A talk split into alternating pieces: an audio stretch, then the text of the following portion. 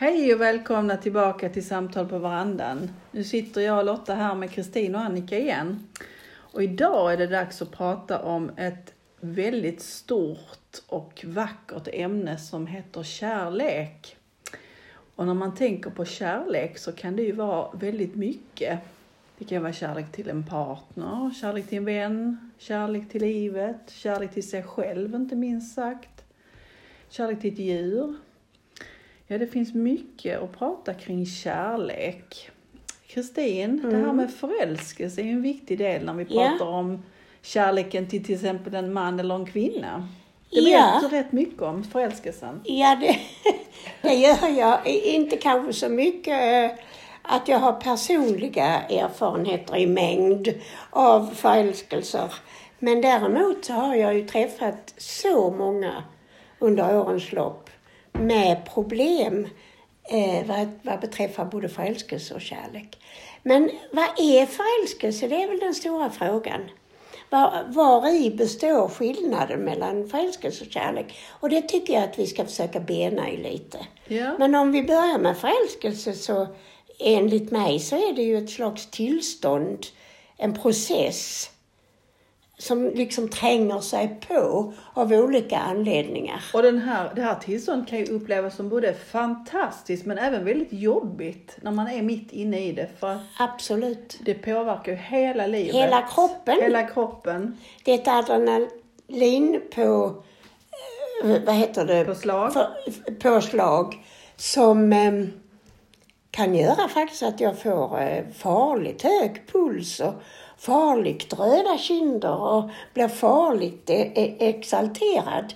Och skulle förälskelsen, brukar läkare säga, eh, vara allt för länge eh, så kan vi utsättas för eh, ont i hjärtat och allt möjligt. Så det är inte meningen att förälskelsen ska vara, det gör den inte heller i regel.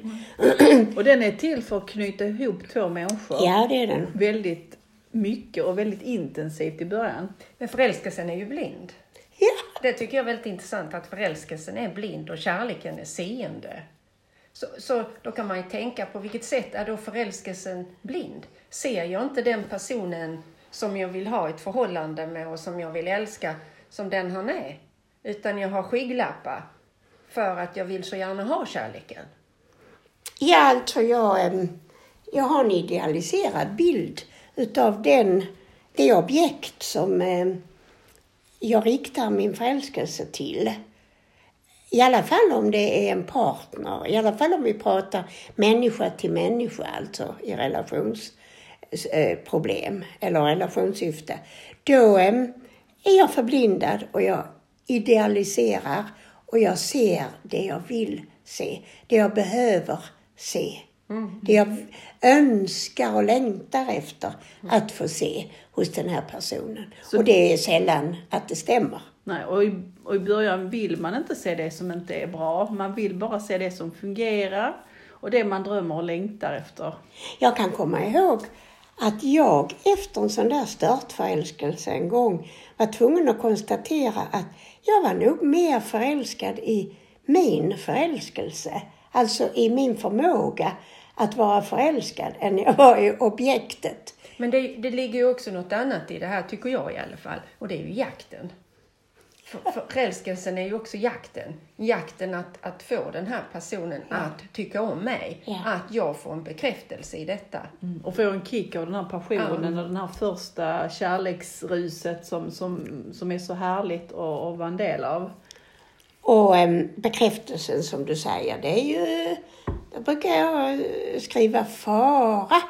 För om jag är ute efter att bli bekräftad och jag tror att eh, och hoppas på att eh, den personen som jag är förälskad i ska bekräfta mig. Då har jag lagt ut bekräftelsen till någon annan. Istället för att jag bekräftar mig själv. Mm. Att jag inser att innan jag får lov att förälska mig så borde jag lära mig att bekräfta mig själv, hedra mig själv och känna mitt eget värde. Men i ungdomens tid, då var jag förälskad väldigt ofta för jag tyckte det var så härligt att få bekräftelse. Och det är precis som du säger, jag behövde ju inte ge någonting. Jag ville ju bara ha. Precis, och man kunde ju bli kär i någon man inte ens hade pratat Ja, med. visst. Någon som man bara hade spanat in eller tittat på. Eh, längtan efter en sammansmältning på något vis. Längtan efter att få hänge mig fullständigt i en passion, passionerad känsla. Hur oskyldig den än kunde vara när vi var unga. Så visst var det härligt. Kan man säga också att det är nästan en liten flykt att gå in i en förälskelse? Kan ju vara. Och är det en flykt, då är det också fara på färde. För då är det kanske en flykt ifrån ett annat förhållande jag är i. Eller en flykt ifrån eh, när jag är ung, mamma och pappa, så att jag vill fly till en, en man och bli omhändertagen eller bli, bli älskad av, som jag tror. Kan det vara en, en, en flykt från mig själv? Ja, visst. För att jag inte vill, tycker om mig själv. Mm, precis. Och då är det lätt att bli förälskad. Ja. Men det var ju ungdomen. Sen krävs det ju att den här kärleksförälskelsen går över i mer mogen känsla för att den ska bestå. Mm. Ehm, vi kanske ändå, ja precis, men jag tänker att vi kanske ändå ska stanna lite längre vid förälskelsen för att eh, där är en del saker som vi måste akta på, vara försiktiga med. För det är ju så här att när jag är förälskad så öppnar jag ju mig. Utan att få några garantier egentligen för vad det skulle kunna innebära. Man är väldigt sårbar, i Sårbar. förälskelse. E- Exakt. Och um, alltså vi, vi längtar ju efter den där eviga kärleken som vi kan spegla oss i. Och, ehm, och den längtan, den, den ska vi egentligen inte lägga ut, den ska vi inte projicera ut ifrån oss själva. Utan den ska vi ju behålla. För det egentligen handlar om det är ju att kunna, nu säger jag det här floskliga, älska mig själv. Alltså ära och hedra mig själv. Blir jag nu uppslukad och eh, idealiserar det här objektet som jag riktar min förälskelse till, då får jag nästan anta att jag har varit ett otryggt barn. Så du söker en form av trygghet genom förälskelsen, Ja. att bli uppslukad av någon Ja. annan. För den trygga människan som hade en trygg barndom, hon står på ett annat sätt fast på jorden och vet att eh, okej, visserligen så är förälskelsen en sån härlig passionerad historia, men hon kan ändå någonstans inse att eh, att, att hon inte ska idealisera för mycket, för då kommer hon att bli besviken. Och det är ju det som är det jobbiga. Så att, ehm, Och förälskelsefasen kan ju variera lite olika länge, men den är en rätt så kort period ja. i förhållande till en, en längre kärleksrelation. Oh ja, oh ja, oh ja. Och ehm, Jag Ibland- håller inte med om det, för jag var förälskad, eller jag är, jag var förälskad i den man jag lever med nu väldigt, väldigt länge. hur länge var det? Ja, det var flera år. Alla sa, åh vad ni är förälskade, ni går och håller varandra i hand, ni gör det. Ja, visst var vi var, var ju så förälskade innan det gick över till kärlek ju. Va? Ja, ja. Alltså jag var ju också förälskad i min andra man. Eh, väldigt länge Ja. alltså. Jag, jag har till och med eh, gått igenom de där åren med honom och kommit fram till att förälskelseperioden av och till klart lite granna, men ändå varade nästan i sju år. Och det är mm, väl, väldigt maxat vill jag påstå. För annars brukar man ju säga att kanske runt ett år I visst. Nej, det var, brukar förälskelsen, Absolut. sen går det över till någonting Ja. annat. var, Jag tror att mina behov var så enormt stora av att få lov att sola mig i den glansen av hans förälskelse. Att, att jag eh, vidmakthöll det. Jag vet ju inte om han var lika förälskad. Eh, Så att, eh, ja. Men när jag träffade min man, då kändes det som att det här är min själsfrände. Ja. Alltså han har jag träffat för Ja. i, i något tidigare liv. Ja, eftersom jag tror på tidigare liv nu, att vi har levt innan. Så att det var väldigt vackert för att vi, vi blev så connectade på en gång. Ja. Och att man kände en helt annan samhörighet än jag har känt innan. Och den känslan lever fortfarande kvar inom mig. Och den är underbar. tror jag det. Det är vackert. Ja. Men du sa ju att förälskelsen är blind. Ja. Och det är den ju. Då tänker jag så här också att förälskelsen binder fast. Jag vill äga.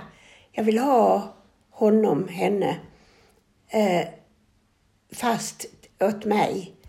Och, och där finns inget andrum emellan på något vis. Eh, jag känner ni inte igen det? Att i förälskelsen så... Det finns mycket svartsjuka, Ja, starka ja, känslor, ja. passionerade känslor.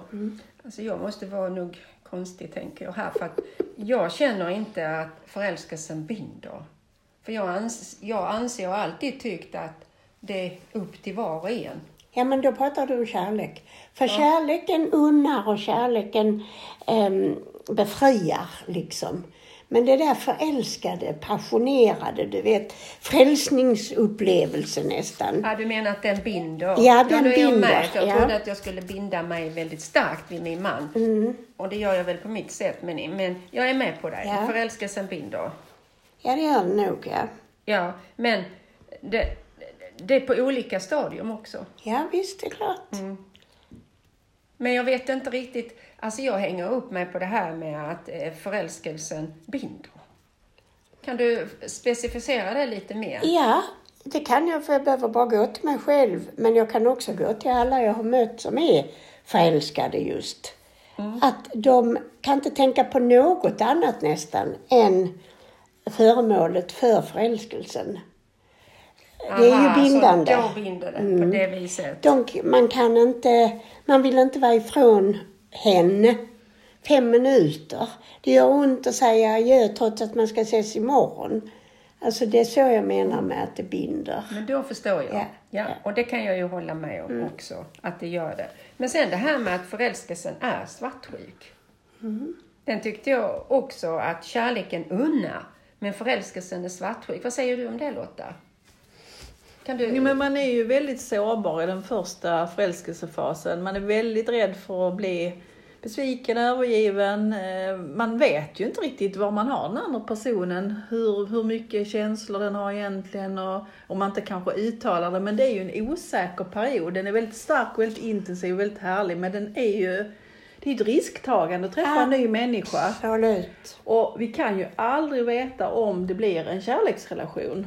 Den kanske avslutas efter några härliga månader och man går vidare åt varsitt håll. Det kan vi ju inte veta, vi har inga garantier. Och det, den risken får vi ta när vi går in i en kärleksrelation. Så den är ju väldigt, eh, som sagt, väldigt härlig och väldigt jobbig samtidigt den här fasen. Ja, jag har aldrig älskat förälskelsefasen, det har jag inte. För den har gjort mer ont i mig än den har gjort gott. Det måste jag säga. Jag har varje gång längtat så efter att få lugn och ro och att det ska övergå till En tryggare, tryggare form. kärlek liksom. Ja, det har jag. Och jag har älskat den. Ja. Ja, Eller, jag, jo, det gör jag. Jag tycker den är underbar förälskelse. Jag tycker kärleken också. Det är, inte, det är inte så, men just det här förälskelsefasen. Den är så Men- härlig. Alla sprittrande känslor i kroppen. Men sen är det ju så att har man en äkta kärlek till varandra och det fungerar så får man ju upplevelser av förälskelse ofta i, i, inom partnerskapet. Ja, men det är ju inte så att när förälskelsen har gått över i kärlek så kommer det ingen förälskelse mer för det ploppar ju upp stup i kvarten. Jag har en väninna som är lika gammal som jag och vi är gamla eh, som säger jag är fortfarande förälskad i min man. När han kommer in eh, ifrån badrummet och luktar gott och, och ser fräsig ut så eh, känner jag samma sprittande härliga energi i min kropp. Men sen kan hon vara lika arg och irriterad på honom i nästa sväng. Ja, och förälskelse har ju absolut inte med ålder att göra. Den kan vi ju känna i alla åldrar. Alla har vi ju hört om, om äldre människor som träffas i en mogen ålder och blir stört förälskade och inleder en relation. Det är ju så härligt att höra. Att förmågan att älska finns hela livet. Det måste vara medfött.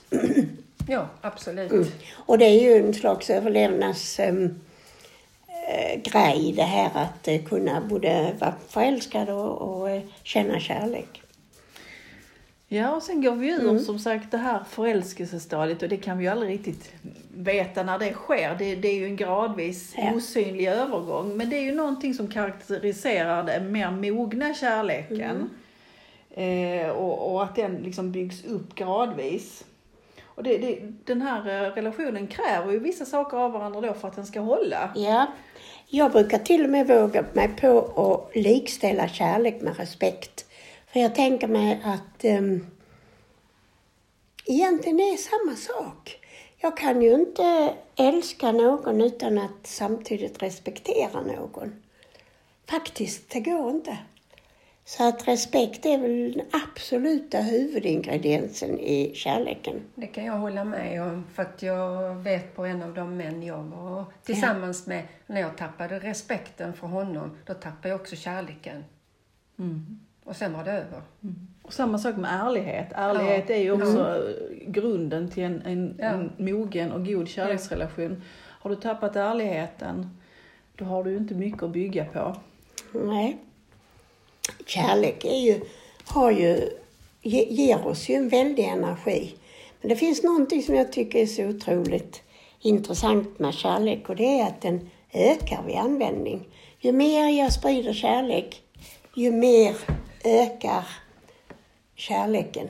Även inom mig, inte bara att jag sprider ut det menar jag inte, utan jag kan aldrig få slut på kärlek. Nej, och då Nej. blir det att man ger kärlek till medmänniskor Ja. på ett helt Ja. annat sätt också. Att ju mer kärlek jag får, och då kan jag sprida den till allt och alla. Ja, att man bygger upp kärlek tillsammans och det, grunden är ju att man är tillsammans, att man kommunicerar, att man har ett utbyte av varandra, att man ser varandra, respekterar varandra, känner ett ansvar för att den andra också ska må bra. Alltså det är ju ett, det är ju ett, ett gemensamt projekt, ett gemensamt arbete. Det låter kanske konstigt men det sköter inte sig själv, Nej, det gör det inte. kärleksrelationen. Nej, det gör det inte. Jag tänker också att eh, det är viktigt att veta, tror jag, och det vet vi nog alla egentligen, att kärlek inte kan köpas och det kan inte säljas. För kärlek är ju ingen handelsvara. Kärlek kan man bara ge. Och och får man det så är det en gåva. Men det är ju ingen förutsättning för kärlek att jag får någonting tillbaka. Och då, för att jag skulle göra det så kan man tänka sig en liten katt, kattunge i knät, som ligger där och sover och snusar. Då kan man ju känna väldig kärlek och ömhet till denna kattunge, men vi har inga krav att få någonting tillbaka. Men är det inte så att, att där är, kan vara väldigt många människor som har förväntningar, har krav på den de älskar. Och sen när inte det uppfylls så blir de ju otroligt besvikna. Och då, då, då går de ju inte in riktigt in i en kärleksrelation. Jag var i en sån relation en gång. Och eh, jag var tvungen att bryta den relationen och säga till vederbörande att kan du inte leva utan mig kan jag inte leva med dig. För han sa hela tiden, jag kan inte leva utan dig. Du måste finnas till för mig och du måste vara si och så. Det var väldiga krav. Han var totalt beroende av det. Ja, han var beroende, ja. Och vad hände med din kärlek? Den tog slut. Den kvävdes. Ja. Och när en kärlek tar slut, man, ibland brukar man säga lite så här eh, slentrianmässigt att motsatsen till kärlek är hat. Men det, så är det ju inte, utan det är ju en likgiltighet som är motsatsen till kärlek.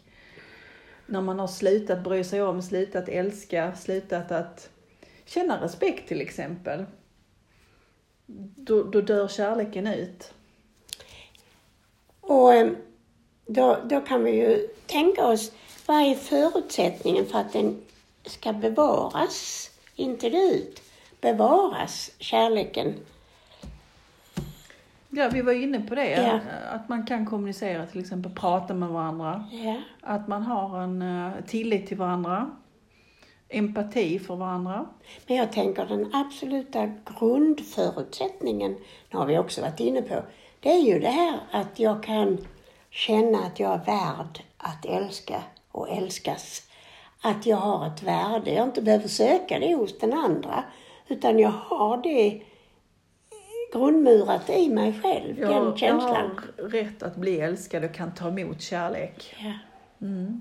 Så du måste känna en självkärlek för att kunna Ja. älska en annan Ja. person. Och den, det är den som många har problem med. Att känna självkärlek, det kan man ju behöva träna och, och bli medveten om långt upp i, sin, eh, i åldern. Att, eh, att man har eh, en bristande kärlek till sig själv. Ja, och träffar man en, en sådan partner så ska man ju vara väldigt försiktig. Och då tänker jag att då får man väl nästan säga till honom eller henne att jag vill inte ha den kärlek som du inte unnar dig själv. Därför att, vad är det, vad är det då? Då är det någon tomhet. Då är det någonting tomt jag får. Då blir, ja, men där är ju också fortfarande förväntningar i det ju. Ja, Ja. Men eh, det, det, alltså det, om, om jag inte vill ha den kärlek du missunnar dig själv, då blir det ju heller inget bra förhållande. nej. Det blir väldigt tomt ju.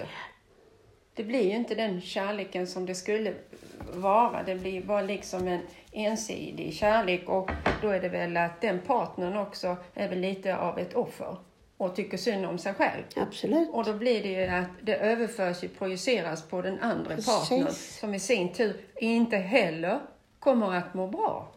Och kanske trycks ner ännu mer. Att jag är inte värd att älskas. Och eh, har jag mycket förväntningar så är det klart att jag kan bli jättebesviken.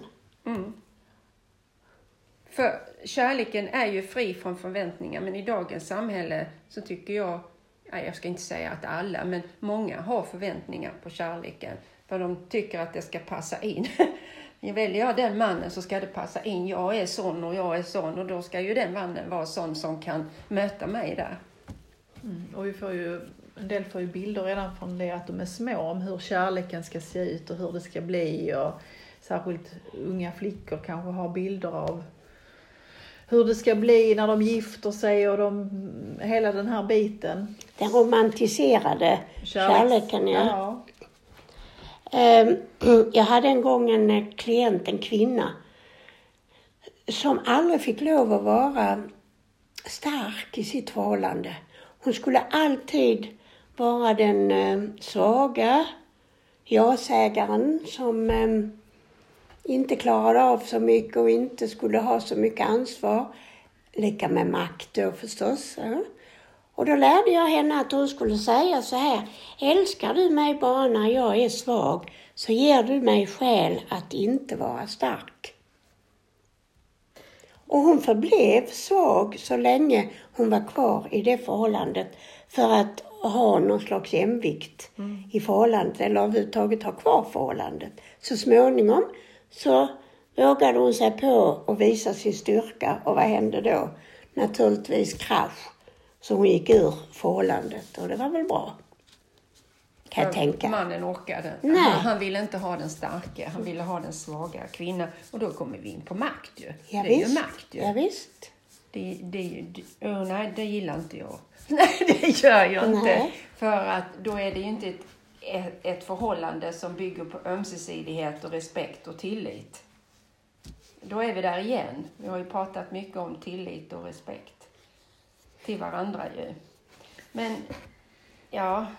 Man, Men, man tänker så här, att ha en kärleksrelation, det är ju inte helt enkelt. Och nu när vi pratar om alla olika dimensioner av kärlek så är det ju ett rätt så komplicerat Fenomen. sp- ja, fenomen mellan man, kvinna eller man, man eller kvinna, kvinna eller hur, hur vi nu lever. Men ändå så går ju de flesta människor in i någon form av kärleksrelation under sina liv. Men många, många skiljer sig också. Det, det är inte helt enkelt att ha kärleksrelationer. Och ändå så skulle jag vilja påstå att jag är glad när du säger det, påpekar detta att de flesta ju faktiskt provar på vad kärlek är. För kärlekslöshet är väl den värsta exilen vi kan tänka oss. Men vi kan inte heller stå emot alla dessa Nej. känslor. Det, vi är ju... Vi dras med i det även om vi in, vet om att det här är inte enkelt, det är komplicerat, vi kan bli svikna, vi kan bli besvikna. Så är det precis som att vi har inga val ibland. Vi bara dras in i kärlek och förälskelse. Fast det finns ju en del som väljer bort det. Av rädsla, av att, eh, har den här känslan, jag är bränd, bränt barn, skyr elden. Men då har de oftast haft någon typ av relation. Ja, det har de. Mm. Och sen, eller sett sina föräldrar ha en destruktiv relation och tagit ett beslut i tidig ålder att jag vill inte prova på det där. Det verkar alldeles för farligt. Och då, då har det ju säkert varit farligt. Men och det då- menar jag med exilen. Ja, men eh, det är så synd när de tar ett sådant beslut. För att det ligger ju också så mycket ly- lycka i kärleken. Så. Och det är ingen som har sagt att det skulle bli destruktivt för dem om de gick in i ett förhållande. Nej. Det handlar ju om att våga. Sen är det så, hamnar vi i, i svårigheter i en relation, alla har ju någonting under någon, någon gång under relationen som inte känns bra. Vi har kriser i livet och vi utvecklas eh, kanske åt olika håll i perioder. Men där är ju grunden att vi vågar kommunicera, att vi vågar mötas, och vi vågar erkänna att så här känns det just nu och då kan vi ju närma oss varandra igen och komma vidare i en ny mognad, i en ny fas i kärleken. Och där tror jag en viktig ingrediens i eh, det här arbetet att hålla kärleken vid liv är att eh, kunna förlåta varandra. Och då menar jag förlåtelse som är möjlig. Inga stora hemska övertramp utan jag förlåter dig för att du har um, negligerat mig eller varit arg på mig. För jag förstår när du berättar att du har haft en kris. Mm. Och det kräver ju att vi vågar prata med varandra, att vi vågar faktiskt mötas även i de här känslorna som kan vara jobbiga. Och eh, vågar se varandra för de vi är. Och in, in, in, inte bara prata utan också lyssna. Att verkligen lyssna på Ja. partnern. Att inte lyssna förbi. Att vara tydlig i kommunikationen. Och, och, för jag vet de som alltså de pratar men de lyssnar. Bredvid Ja. varandra. Ja, Precis. I parterapi till exempel, som jag har emellanåt eh, i mitt företag.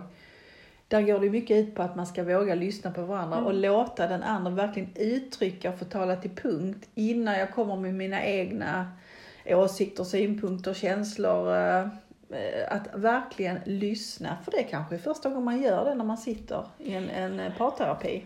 Jag har ju också haft det och jag kommer ihåg ett par där hon aldrig slutade att prata. Och han var den lyssnande ehm, personen i deras förhållande. Då fick de, precis som ni vet indianerna, de hade Precis en talpinne. Då hade jag på den tiden en liten pinne, jag hade gjort en vacker. Och då fick de prata till punkt så länge de höll pinnen i sin hand. Och sen hade, och, och hon ville aldrig lämna den ifrån sig, men då hade vi en limit på, jag kommer inte ihåg om det var tre minuter, men det kanske det var. Då fick hon lämna över den och så fick han, det tog de med sig hem, den idén, och det funkade tydligen bra. Jag har haft par som har suttit och pratat med mig och pratat till varandra som har avslöjat saker inför mig som de aldrig visste om varandra och då har de ändå levt i många år tillsammans för de har aldrig mötts. De har aldrig vågat lyssna på varandra och det har varit så fantastiskt att se att de har öppnat upp och vågat i den här processen. Och det har gjort att vissa relationer har faktiskt räddats fastän de har haft rätt så stora problem. Klart. För de har utsatt sig för det som de var mest rädda för, att vara totalt ärliga. Mm. Vad det innebär. Fantastiskt. Men du, jag tänker på den här em, kosmiska kärleken, eller, eller vad ska vi kalla den för? Men den är ju universell. Mm. Det, det, den kosmiska, det, det älskar ju allt. Precis. Och där finns ju nåden också. Att det är den enda gången mig veterligen som jag kan vara säker på att eh, bli behandlad nådefullt, om jag ska säga så. Alltså hur jag än beter mig, hur illa jag än beter mig och eh, vad jag än säger och gör, så finns det någon slags kärlek i kosmos i alla fall. Ja, det finns det. Vad är det för energier som, som eh, råder just nu, Annika, när vi tänker på det universella? Alltså för mig är, det ju en maktkamp mellan det goda och det mörka. Och då kan man också säga positiva och negativa energier. Att vi har mörka källor, att vi har goda källor.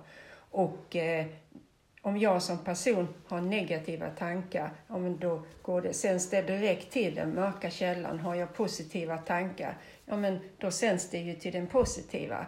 När det blir obalans, den negativa källan, mörka källan får överslag, då blir det krig. Och det blir våld och det blir konflikter. Och, och det är lite därför att världen ser ut som den gör idag, innan obalansen blir blev till balans. Och också det här med, ehm, vad heter det nu, eh, ja det har jag redan glömt vad jag skulle säga nu. Ja.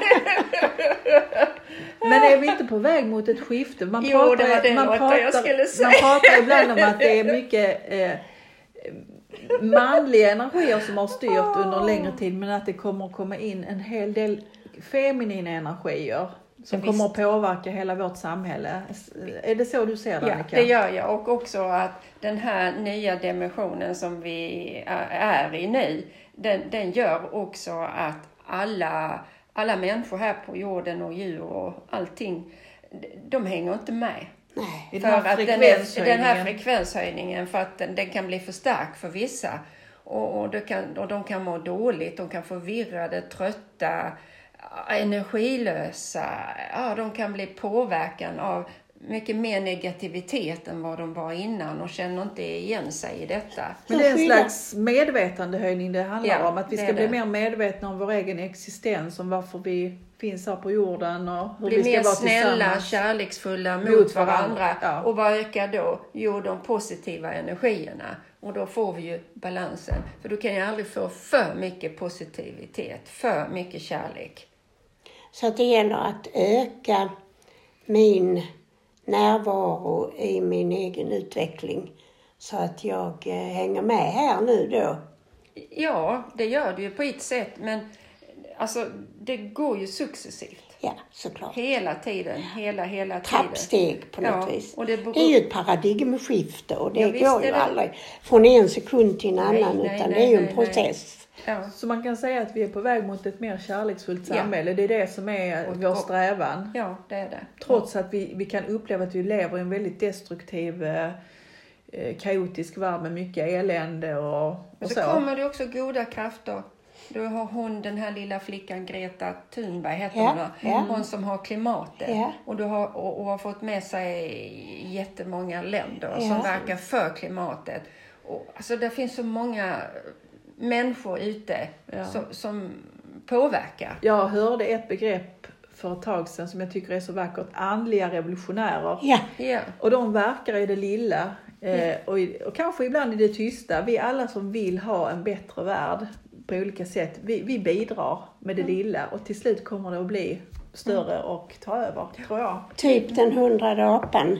När vi är tillräckligt många som eh, bidrar på det viset så sker det också en skiftning. Jag tänkte jag skulle vilja säga ett slutord för det. Gör du det? Jag har så ofta känt att, ja, hur, hur viktigt det är med, med kärleken när man mest behöver den. Och då tänker jag så här, älska mig mest, det är en bön, måste jag säga, det här är en bön. Älska mig mest när jag förtjänar det minst, för då behöver jag det som mest. Det är en vacker bön att be, det är inget krav, det är en bön. Och jag har något som jag skulle vilja säga. För att kunna ta emot andras kärlek idag måste du sluta vänta på den kärlek du inte fick igår och inte får imorgon. Fint. Så avslutningsvis kan man säga att det är kärleken som driver oss människor vidare i livet. Det är en enorm drivkraft och utan kärlek hade vi ju inte överlevt. Nej. Nej. Vi tackar från varandan idag och vi tackar för att ni har lyssnat. Vi återkommer igen om en vecka med ett nytt spännande ämne. Tack så mycket, hej.